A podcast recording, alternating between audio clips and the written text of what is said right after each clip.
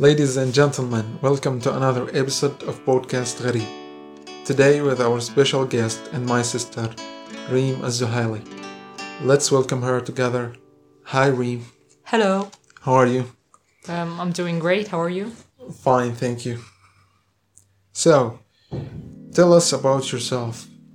My name is Reem. Um, I'm a graduate of architecture school. I graduated last year. Uh, currently, I'm enrolled in TESOL Master uh, or TEFL Master.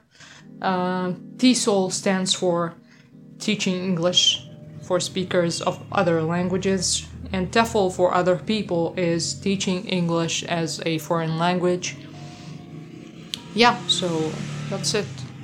So, this master is for countries that English is not their first language? Uh, yeah. Um, currently, I'm in. I'm studying in HLI, Higher Language Institute in Damascus University. I'm in Syria.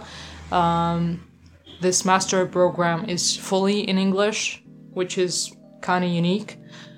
Um, we have different majors studying in this program. So, for example, I'm an architect. We have another one who is a, bi- a biologist. Uh, we got um, another student who is a biomedical engineer, a, an economic student. So, we got into this master's from different majors. So, it's not only for English literature students. Uh, no, because um, this master is concerned with teaching English, so teaching English is not only for people who studied English literature, apparently. Our episode title is What If You Love English? What does that mean to you? Um, I think you can't define love when it comes to, for example, English, because love is a feeling. And for me, when I use English or when I practice English, I have this feeling of enjoyment or feeling that it's my mother tongue. I don't actually remember um, when I started loving English per se. Uh, it just kind of grew. The love grew in me. Um, so yeah, um, I just feel enjoyment practicing English. I think. So, when did the journey start?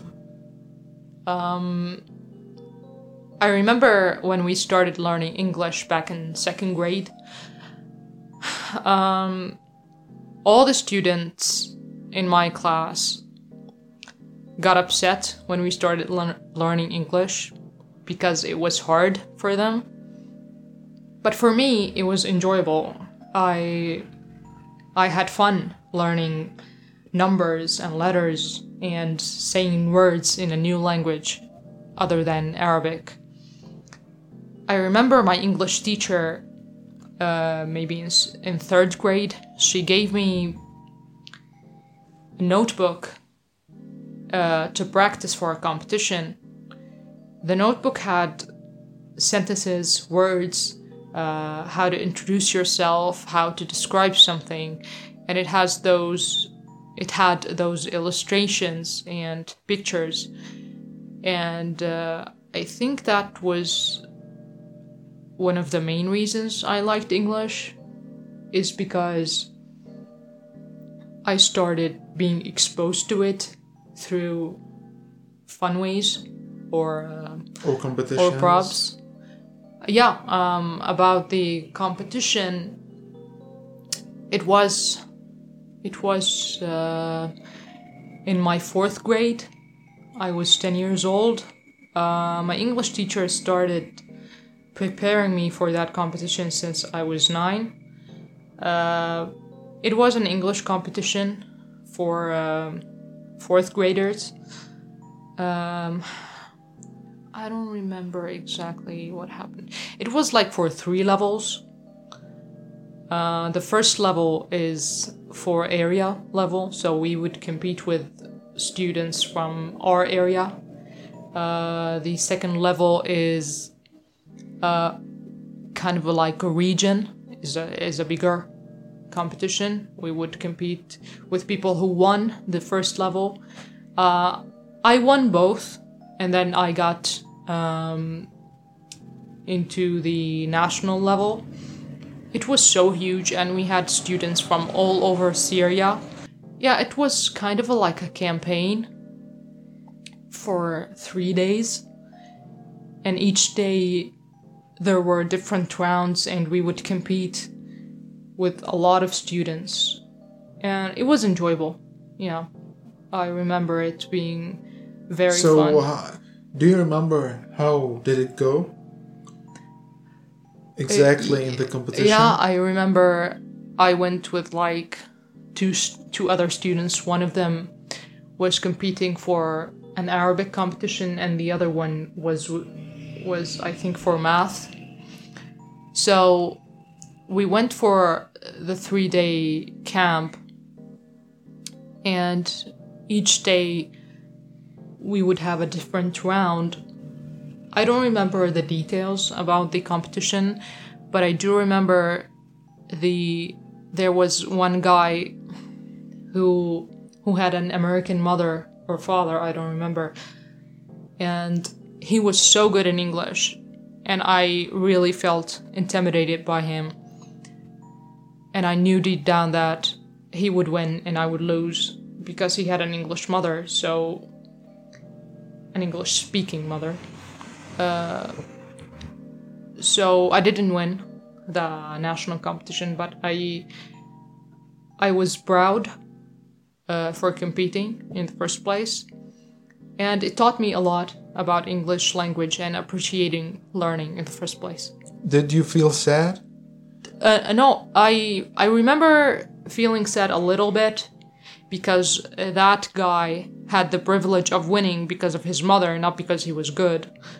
Uh, but um, as I said, I felt proud just for the fact that I got to compete with students who were so good in English. Did you know anyone who joined uh, the competition back then? Um, Yeah, there was this girl who was a year older than me who joined the competition for the first round, I guess, you know, the area level. But she didn't. I, I don't remember her winning. I, I think she won the first level and the second level. I can't remember if she if she won the second level or not. But yeah, we would go together to compete. She would compete with the fifth graders, and I would compete with fourth graders. So there is no one from your school. Uh, no. Um, I don't want to brag, but I was way ahead of other students back when I was 10 years old. Do you think it made a difference that you start that you started young? Yeah, I do think so. Um, despite the fact that my English teachers, like all of them, held me through my school years. But the fact that I started young helped a lot because while um, my peers were learning letters and numbers, I was learning how to introduce myself, how to speak full sentences, and uh, developing my uh, English skills, while others while uh, were um, starting with the language. Uh, when I was like a teenager, uh, reading was a bit hard for my peers. Uh, it was so easy for me. I would read fast. My English teachers noticed that I read beautifully, uh, so they paid extra attention to my English and they would advise me. They would give advice, and uh, they would correct my mistakes uh, in order for me to improve and perfect my language. So yeah, I do think that it's important to be discovered young, and I, I think parents um, should pay attention to their kids and um, to look for clues that might help them discover their kids and their talents. Great. So, is the process of learning an easy one for you? Um, I don't think it's easy. It takes time. Uh, it's enjoyable. I like learning languages. I like learning stuff in general. Uh, it took a lot of time for me um, to perfect my English, to perfect my my accent, my language skills in general. Uh, and people, when they first hear my my words, my accent, they would get surprised by me, and they would ask like, "When did you learn? Can I join the place where you learned English?"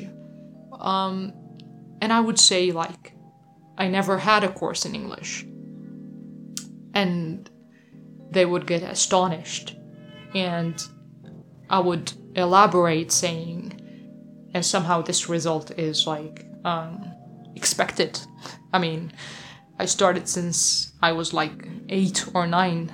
Um, it's not like strange for me to have this accent. And today you are 25. Yeah, I'm 25, so it's been like a decade, more than a decade. Um, and another thing that I just I don't learn English.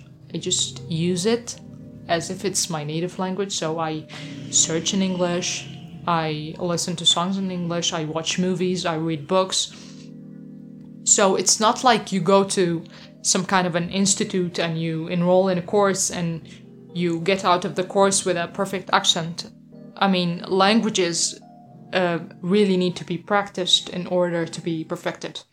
That's my theory. Yeah, so it's not about the place you go and learn English. Uh, you can say it's a lifestyle. Yeah, You, yeah. you I- need to live. Yeah, I do agree with that. I think that people, when they see me, they they think that I just took a course for like two or three months and I got this uh, good accent or good spelling, for example. But no, um, I've been practicing English since I was young, and um, I do believe that I deserve. Um, I do deserve to be good at English because I worked hard for for it. I'm somehow biased uh, towards the English content, not because I hate Arabs, but I've grown to love English and love the English content and love hearing English. Uh, so I only have English songs on my phone.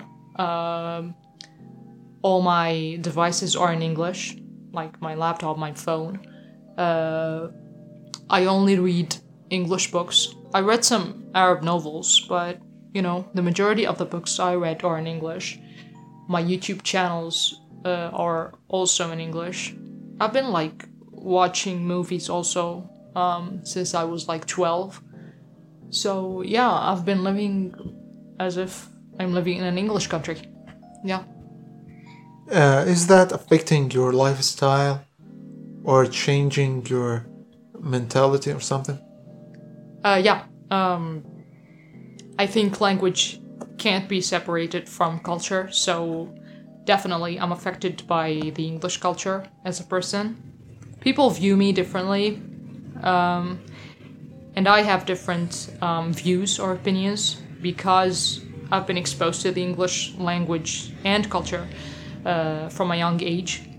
Um, I don't think it's a bad thing. Um, on the contrary, I think it's a very good thing to be uh, exposed to different cultures. Um, it will give you that um, open mindedness, and um, you would accept more. You would view humanity in a different way. Uh, you'd get out of the box of your country, and um, it really helps. Yeah. Yeah. Great. Uh, you tell us something, but uh, go further. Uh, yeah, as I said earlier, people, when they hear my accent, they would immediately assume that I'm good at English because of my accent. I don't necessarily agree 100% that everyone who has a perfect accent would be perfect at English. Um, and the opposite is true also. Um, for example, uh, you could have a very bad accent, but you're very good at English. Like Indian people? Yeah, exactly. Um, uh, and here we have like to differentiate between two terms accuracy and fluency. Indian people are accurate. They do speak a very good English, but they're, but they're not fluent. So we have accuracy and fluency. Fluency is having the accent and having the flow of words in a, in a very natural way. Indian people don't have that, but they're accurate. So accuracy and fluency are different. Aiming for a perfect English is aiming for a perfect accuracy and fluency. So being accurate, I think, is more important than Yeah. being fluent. Yeah. So I do encourage people not to like think about the accent so much. I mean, it would be preferable for them to have a good accent, but it's not like the main thing, I think. So uh, it is a good thing to be an Indian uh, people like, but not having an accent and not being uh, not being accurate in English. Uh, yeah, yeah. Uh, because language is about communicating. And as long as I understand what you say, I mean, you don't have like to speak as an English native person. So, language is about communicating. And if we understood each other, I mean, that's the purpose. Yeah. So, one of the misconceptions is about the accent. So, not necessarily everyone who has a perfect accent means that he or she is good at English. Another misconception is that um, if you enroll in a course, an English course, you would be good at English. It's a really big, big one. Y- yeah, yeah. People like after graduation, um, the majority of people after graduation, they would pursue um, learning English as if it's like a goal you can achieve in one year or two years. I mean, it's possible, but like, why would you want to get a fast result if you can get it in a slow process? Learning languages is not a, long- skill that you need a course to learn. Yeah. It's a long uh, journey. Yeah, it's a long journey, and it's better to have the long journey. So you'd gain the experience, you'd gain um, a more, um, so you'd gain the experience, and uh, you would get the time to practice it. So if you enroll in a course, you would have like I don't know one or two months, and then like you would finish the course. So what? What's the point? I mean, you need to practice the language. So having an English course isn't necessarily the only way to learn a language. I mean, you can read books at home, you can watch YouTube channels. So yeah, um, the second misconception is that an English course is the ultimate way to learn English, and I don't necessarily agree with that. Uh, what do you tell people who have these misconceptions? Uh, for me, actually, when it happens in reality, I do answer honestly. I tell people that it's not an easy journey and you really need to work on yourself to improve your English. So, um, when it happens in reality, I do tell people not to think that it's an easy journey and you can't have a perfect result or a result in in any way uh, just in one week or one month or like two months. You really need to put in the work uh, care in the first place and be consistent um, the thing about learning languages is that you really need to be consistent uh, for example, I started learning French, I don't know, like two years ago. And I got to a level, a very good level at French.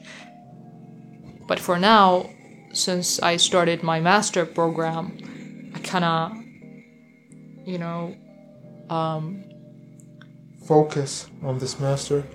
yeah, it kind of focused on my master, and I forgot the French. So my language is kind of fade is is fading somehow. So being cons- consistent about learning languages is a key component in succeeding and perfecting a language. Since you talked about practicing, can you tell audience about your volunteering experience and helping kids to learn English in a fun way? Oh yeah, I forgot about that. Um, back in 2015, um, me and a group of friends, like the same age, we we initiated a project to teach uh, school subjects, you know, in a fun way, uh, in the culture center in my hometown. Uh, I volunteered to teach English. Other friends volunteered to teach Arabic, and another group um, to teach math. The project uh, was for about four years, from 2015 till 2019. We taught kids from age 8 till 15. Uh, it wasn't about a certain curriculum or a certain textbook. It was all to to teach subjects, school subjects, in a fun way, in a way that students would comprehend and be interested in the subject matter. Through games or Yeah, wow. yeah, we did use games. Um, uh, for me in English, I used songs. We used games. Um, I used my my background in architecture. We we did crafts. Um, we we drew some stuff. Uh, so yeah, I noticed uh, a lot of difference in in uh, students' level uh, before the project and after the project uh, students were eager to learn the language and were so interested in improving themselves because English, as I always say, English is fun. English is not rigid, it's not systematic, it's a fun language. Uh, you can play games, you can have fun while learning English. It's not always about textbooks and tests and uh, grammar uh, yeah, so it was a very uh, enjoyable experience teaching kids uh, for the last uh, couple of years. can you tell us about some great moments you have there? So, one of the things I used to ask students um, in my first class was Do you like English or not? And the majority of students on that first day would say that they hate English. And I would not be surprised because the English language was taught in a very bad way at school. So I would work hard for like three or four weeks to make English enjoyable for students. And I would ask on the last day, Do you love English now? And the best moment was when students would all raise hands agreeing that English is now being viewed differently and they all love English. So this was one of the one of the most uh, enjoyable moments or like best moments about volunteering is seeing how students would hate English at first and then like they would uh, grow to love it and to enjoy it uh, to some extent that some students would actually ask for further reading or for further activities to learn English. Do you think uh, it may change their life? in, Yeah, uh, in, the, absolutely. in the future? Absolutely, one of my students, uh, one of my early students, the very first group I taught, uh, is now an architecture student, actually. And uh, I remember her uh, being very interested in learning English to the moment that she is now working on herself uh, to improve her language skills. Maybe I was the reason, and maybe not. But I, You feel the effect or on her? yeah, I could definitely uh, feel that I was the reason she is now interested in the English language. Yeah, it's a good thing to help improve someone's life. Would you help us with a practical advice for for for English learners? Yeah, absolutely. I would love to. I think the first advice I would give to an English learner or any language learner um, is that you should have a reason for learning a language. I mean, my reason was love. Your reason could be for work. Another reason could be that you want to travel. Having a reason makes it easier for you to learn a language, and that reason should be convincing enough for you to learn the language. I mean, if you are obligated to learn something, you wouldn't learn it. Uh, so, first off, have a solid, convincing reason for learning English. That's first. Second, use a method that suits you, whether it being an application, watching a video, reading a book, listening to songs. Don't stick to the norm. Don't uh, listen to your friend that said, Oh, I joined this course and I got really good at English because of that teacher or this book or this institute. Uh, no, I do think that you should use a method that suits you. Some people learn English just because of playing video games, uh, others just learn because they watched movies. I mean, you don't have to stick to one thing. You can try them all and see what suits you, and then you can decide. Third, be patient. I mean, as I said before, It's a long journey. yeah, you can't learn in one week, two weeks, three months. You might take like three years. Who cares? I mean, unless you really need it, like to travel. next year yeah. I mean you can have like extensive lessons or like uh, private tutoring to improve your language but i i think that you need to be patient and learn the language slowly. Uh, i would recommend uh, speaking with your friends if possible. Speaking with some native speakers online. You can befriend some people on facebook or any social platform you have and you can speak with them. Um, Can you recommend some applications, websites, YouTube channels that we can put in the description so people yeah, I um, for me, I learned French because I didn't learn English through stuff or specific stuff. I learned French uh, with Duolingo and Babbel. Uh, I joined Babbel like last year. Um, for YouTube channels, I think that you need to pick channels that cover content that is interesting to you. For example, I watch uh, food channels, I watch DIY channels because I care about these two topics.